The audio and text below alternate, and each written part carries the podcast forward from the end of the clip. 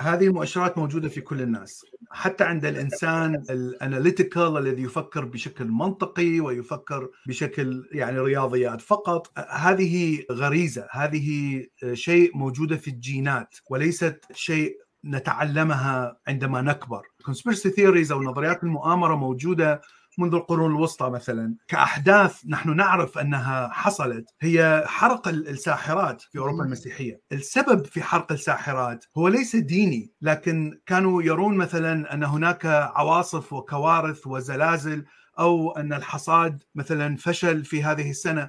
لأنهم لا يعرفون لماذا حصلت هذه المآسي أو الكوارث فيجب أن يكون هناك سبب. فوضعوا السبب على أنه ساحرة والساحرة شيء ملعون في الديانة المسيحية. فإذا من السهل أن أصدق أن نعم أكيد لأنه الساحرة هي شريرة الزلازل والمآسي هي شر يحصل للناس. فهناك ربط منطقي ما بين الشر الذي يحصل وما بين كون الساحرة شريرة، طبعا هو كله باعتقاد خرافي ولهذا تم حرق الساحرات يعني بالآلاف، نفس الشيء نراه مثلا عند الاستك فكانوا يقطعون رؤوس أعدائهم حتى يصير عندهم المحصول الجيد في السنة القادمة، لأنهم أيضا يعزون يعني عدم الأمطار والى آخره عن وجود هؤلاء الأعداء.